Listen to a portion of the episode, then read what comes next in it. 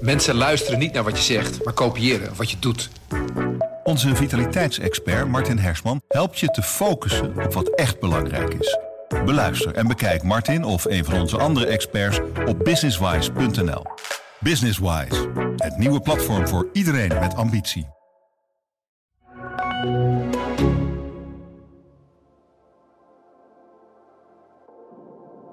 Welke geluiden hoor je?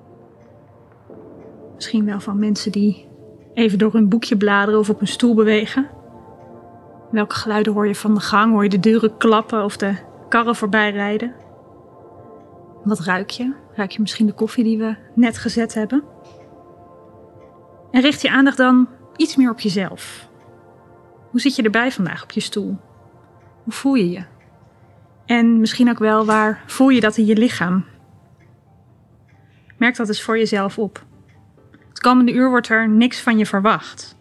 Dus je kunt proberen, voor zover dat lukt, om de drukte, misschien van de afdeling waar je net uitkomt, of dingen die rondom je zaak spelen, even te laten voor wat ze zijn, hier buiten de deur. Je hoeft hier alleen maar te zijn.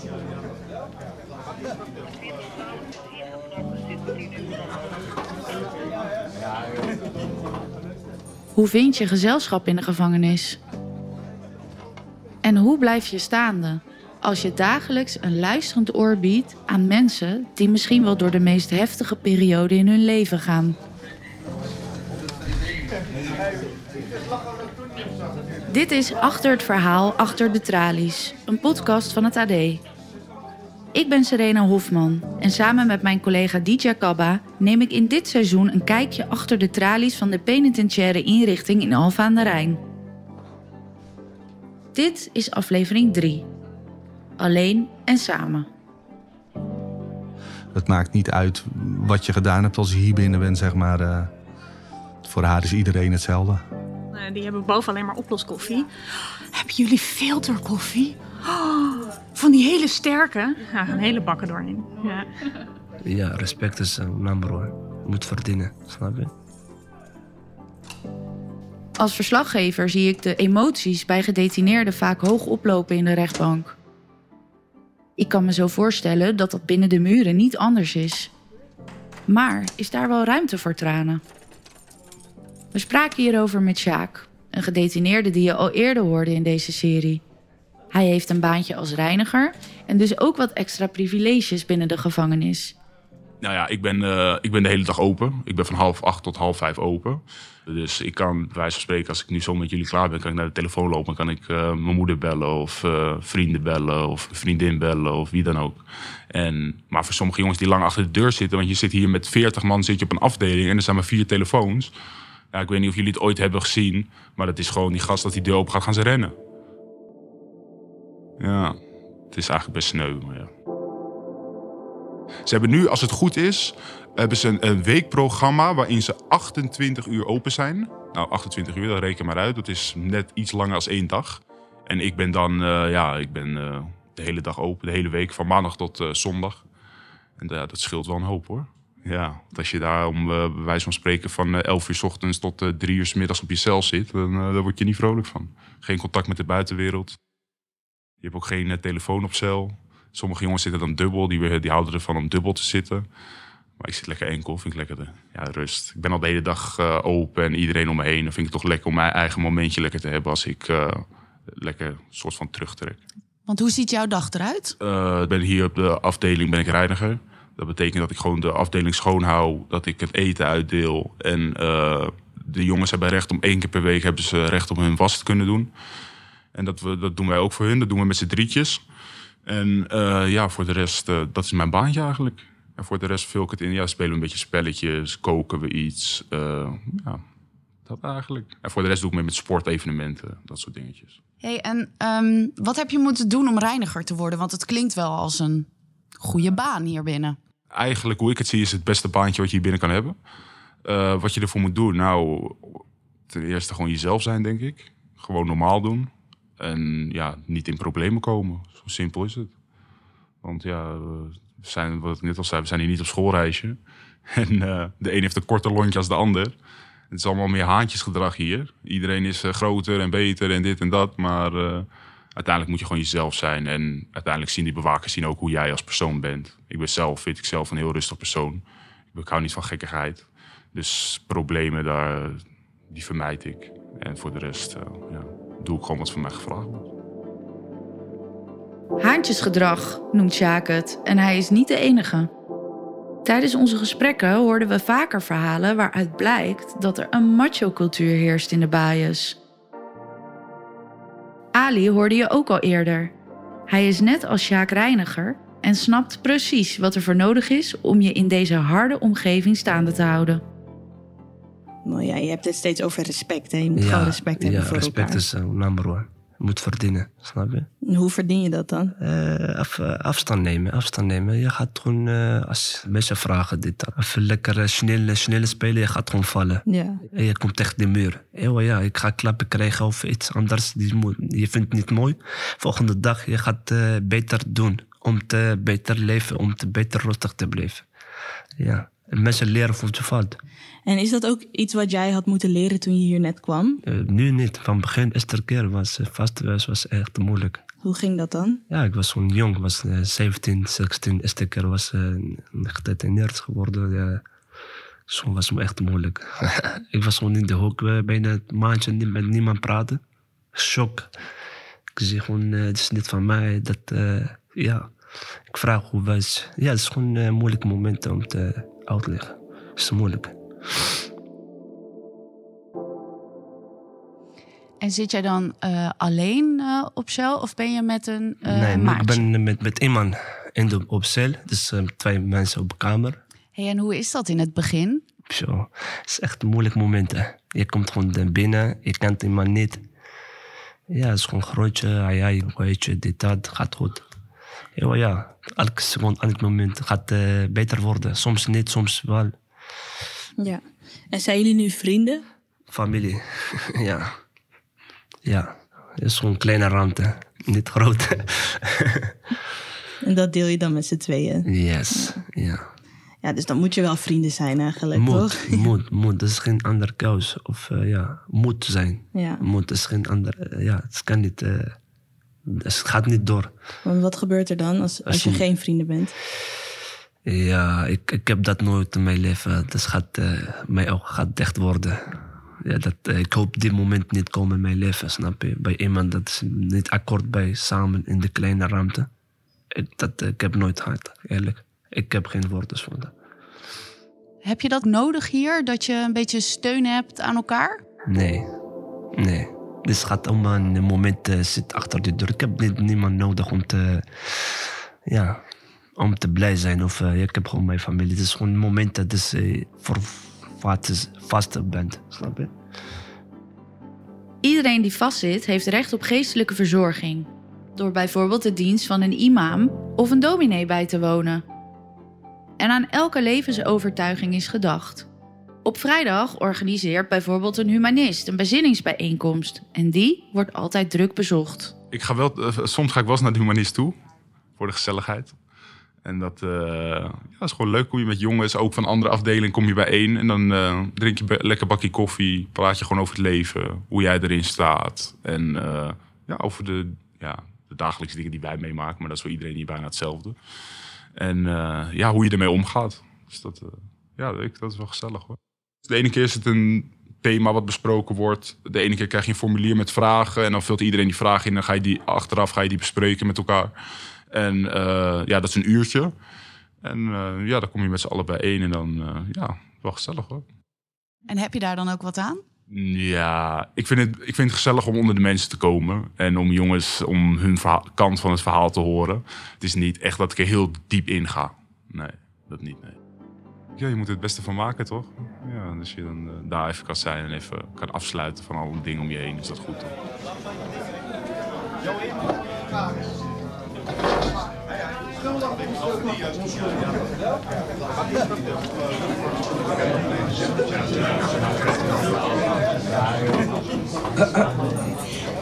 Welkom allemaal. Hallo. Welkom allemaal bij de bezinningsbijeenkomst. Misschien dat er zometeen nog wat mensen aansluiten, dat zullen we vanzelf zien. Fijn om jullie hier weer te zien vandaag. bij de bezinningsbijeenkomst. Eigenlijk om even in een andere sfeer te zijn dan de afdeling waar je de, een groot gedeelte van je tijd op doorbrengt. Om even nou ja, met elkaar in deze ruimte vandaag te zijn. Ehm, en een moment stil te staan bij het leven hier binnen, maar ook zeker buiten deze muren. En zoals jullie gewend zijn, zullen we het eerste half uur ehm, stilstaan bij het verhaal dat ik heb voorbereid over het thema van vandaag. En ik hoop natuurlijk dat dit verhaal bij jullie ook herinneringen oproept of vragen of dingen die je wilt delen. Want ik zeg vaak aan het begin, ik heb de waarheid en de wijsheid ook niet in pacht. Volgens mij wordt het leuker als we er met elkaar over in gesprek kunnen. Um, en het tweede half uur is er natuurlijk weer tijd voor de koffie. Uh, om gezellig met elkaar bij te Ik ben Merel. Ik ben de humanistisch-geestelijk verzorger hier in PI Alphen. Al word ik meestal de humanist genoemd. Dus daar stel ik me nu ook eigenlijk al mee voor op de gang. En zoals eigenlijk voor elke bijeenkomst geldt, zou ik zeggen: um, haal eruit waar jij vandaag wat aan hebt en laat het lekker voor wat het is. Um, en we zitten nu in het stiltecentrum. Wat eigenlijk een hele mooie ruimte is als je het vergelijkt met hoe de rest van het gebouw eruit ziet. Wat best wel kaal en grijs en wit is. De rest van het gebouw dan. Want dit is eigenlijk best wel een warme ruimte. En ik hoor ook regelmatig als mensen hier voor het eerst binnenstappen. Oh, dit is zo anders. Het is echt alsof je heel even weg bent uit de gevangenis. Wat fijn dat we vandaag uh, nou ja, bij de bezinningsbijeenkomst mochten zijn. Ja. Maar dat is denk ik nog maar een onderdeel van jouw werk. Kun je eens vertellen wat je nou ja, nog meer doet als humanist? Um, de nadruk ligt vooral op de bijeenkomsten die we dus elke vrijdag hebben. Door de week heb ik groepsgesprekken. Dus dan zitten we in een iets kleiner groepje en dan bereid ik vaak een thema voor waar we het met elkaar over gaan hebben.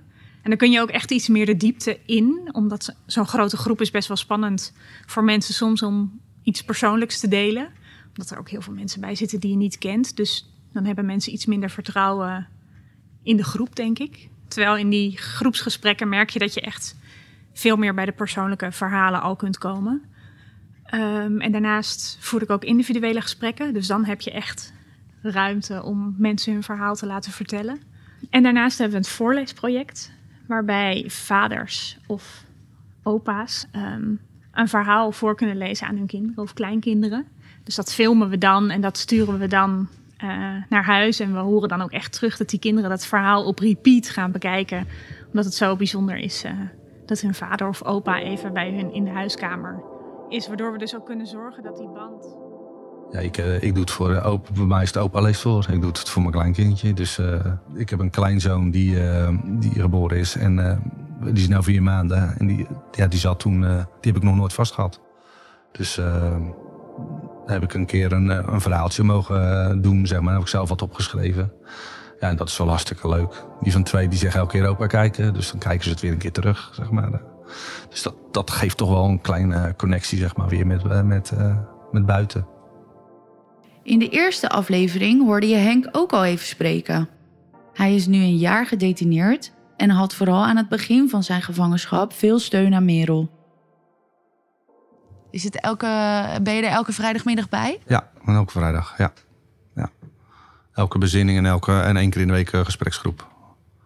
Ja, dat, is ook weer een uurtje niet op de afdeling, een uurtje met andere mensen praten. En bij de gespreksgroepen uh, is het vaak het, het, niveau waar je over praat iets hoger. En dat is ook wel prettig.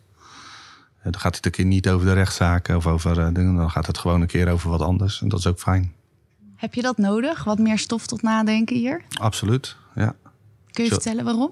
Nou, als je alleen op je cel zit, dan ben je dus maar alleen. Hè? Televisie kijken of uh, misschien een dvd kijken. Maar het is belangrijk dat de grijze massa natuurlijk ook geprikkeld wordt... door om andere dingen na te denken. Dat je niet afstomt, zeg maar, als, uh, als gedetineerde. Ben je daar bang voor, dat je dat gebeurt? Dat je nou, een beetje afstomt? Dat gaat wel vrij snel, denk ik, ja.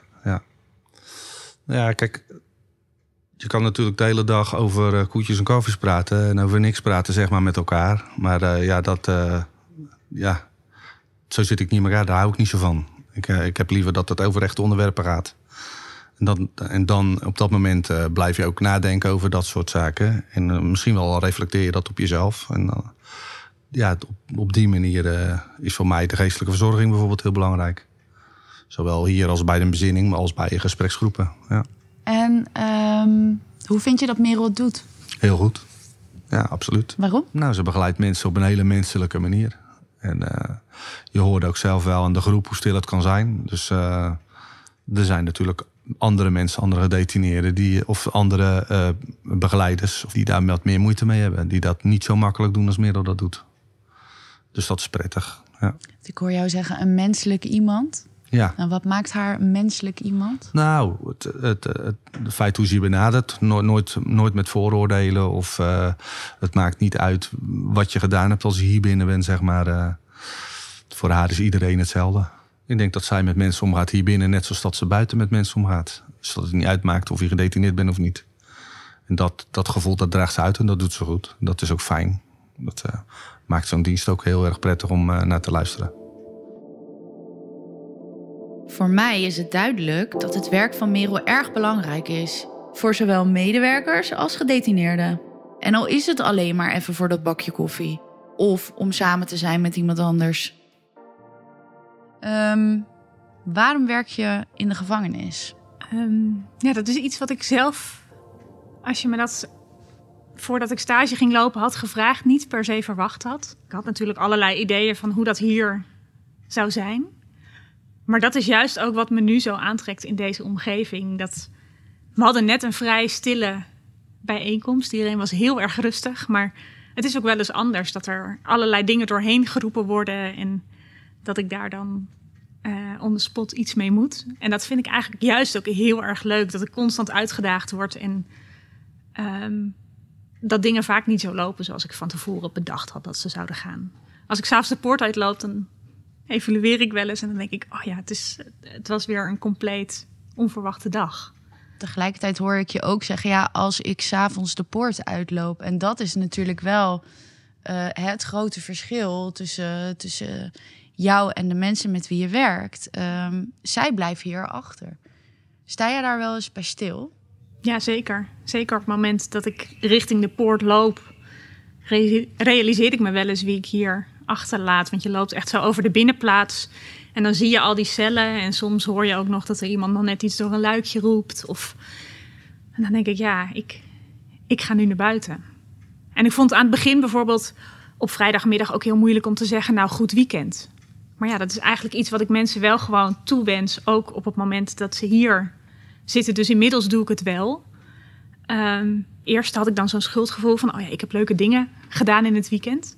Maar ja, mensen leven soms ook een beetje doordat wij uh, die buiten zijn geweest kunnen vertellen over hoe het leven buiten geleefd wordt.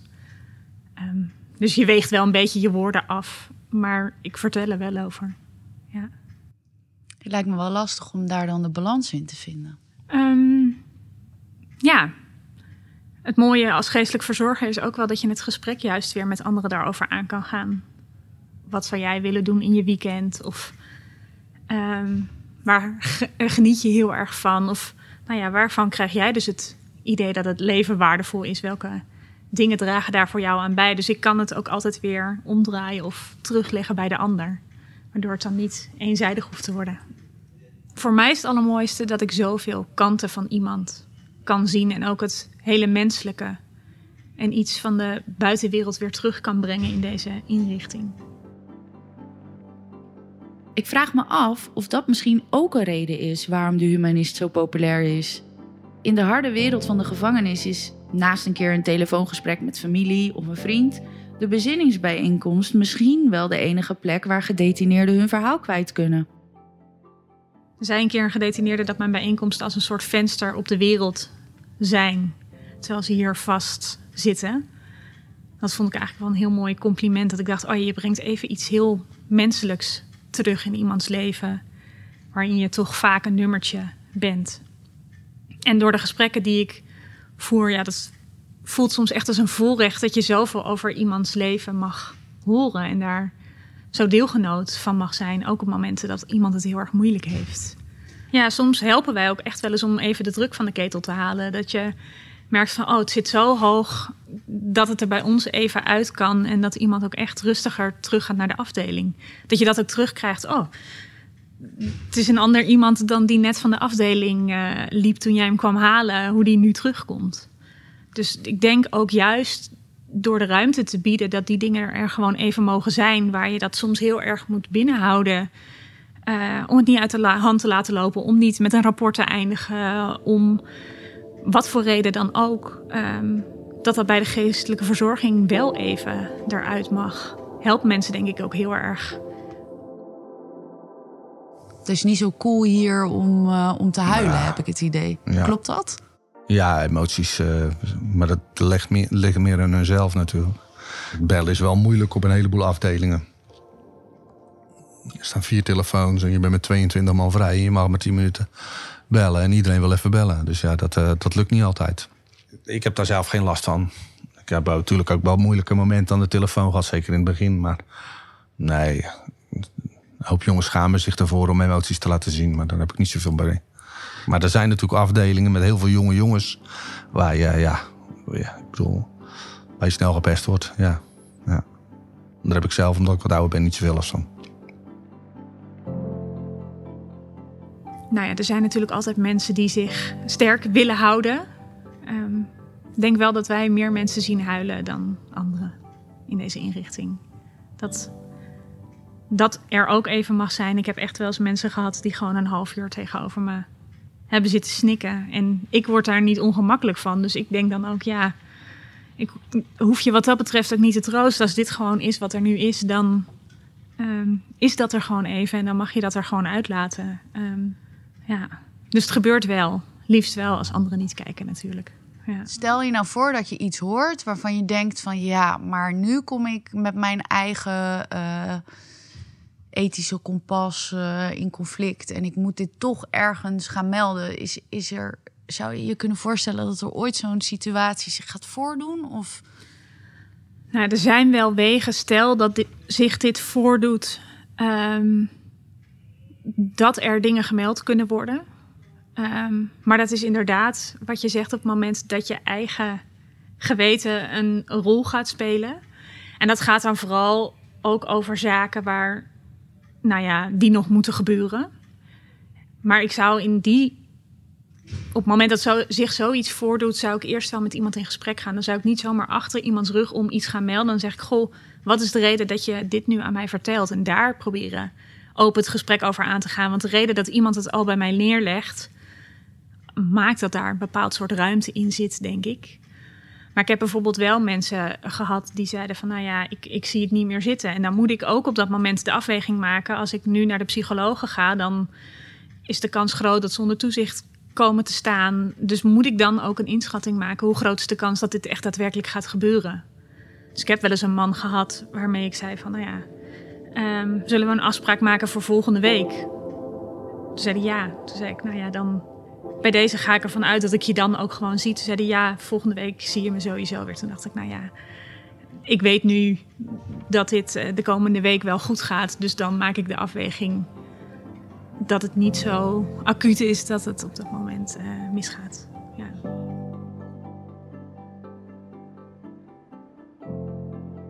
In een wereld waarin je eigenlijk alleen bent en nooit echt je ware emoties kunt tonen, moet je op zoek naar iemand bij wie je wel even jezelf mag zijn. Net zoals Merel zijn er nog meer medewerkers in de PI Alphen die deze rol vervullen voor gedetineerden. Maar als je zo'n persoonlijk contact hebt met mensen en ze zo open naar je zijn, hoe bewaak je dan je eigen privacy? En waarom kies je er überhaupt voor om te gaan werken in een gevangenis? In de volgende aflevering Afstand en nabijheid gaan we op zoek naar het antwoord op die vragen.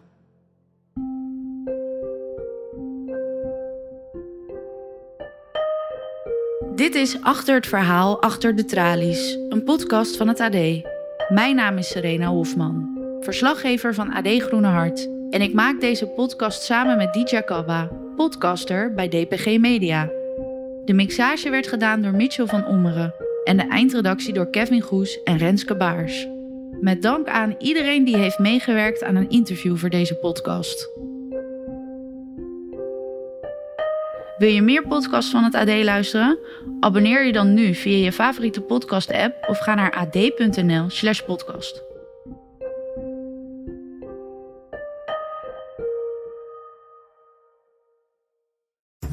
worden dagelijks overladen met overbodige informatie. En het is moeilijk de zin van de onzin te scheiden. Daarom vertrouw ik op echte journalisten in plaats van meningen. Een krantenmens heeft het gemakkelijk. Word ook een krantenmens en lees je favoriete krant nu tot al zes weken gratis. Ga snel naar krant.nl. Bezorging stopt automatisch en op deze actie zijn actievoorwaarden van toepassing. Een goede spreker herken je aan de Q&A aan het eind. Onze lifehack-expert Martijn Aslander geeft je adviezen waar je echt wat aan hebt. Beluister en bekijk Martijn of een van onze andere experts op businesswise.nl. Businesswise, het nieuwe platform voor iedereen met ambitie.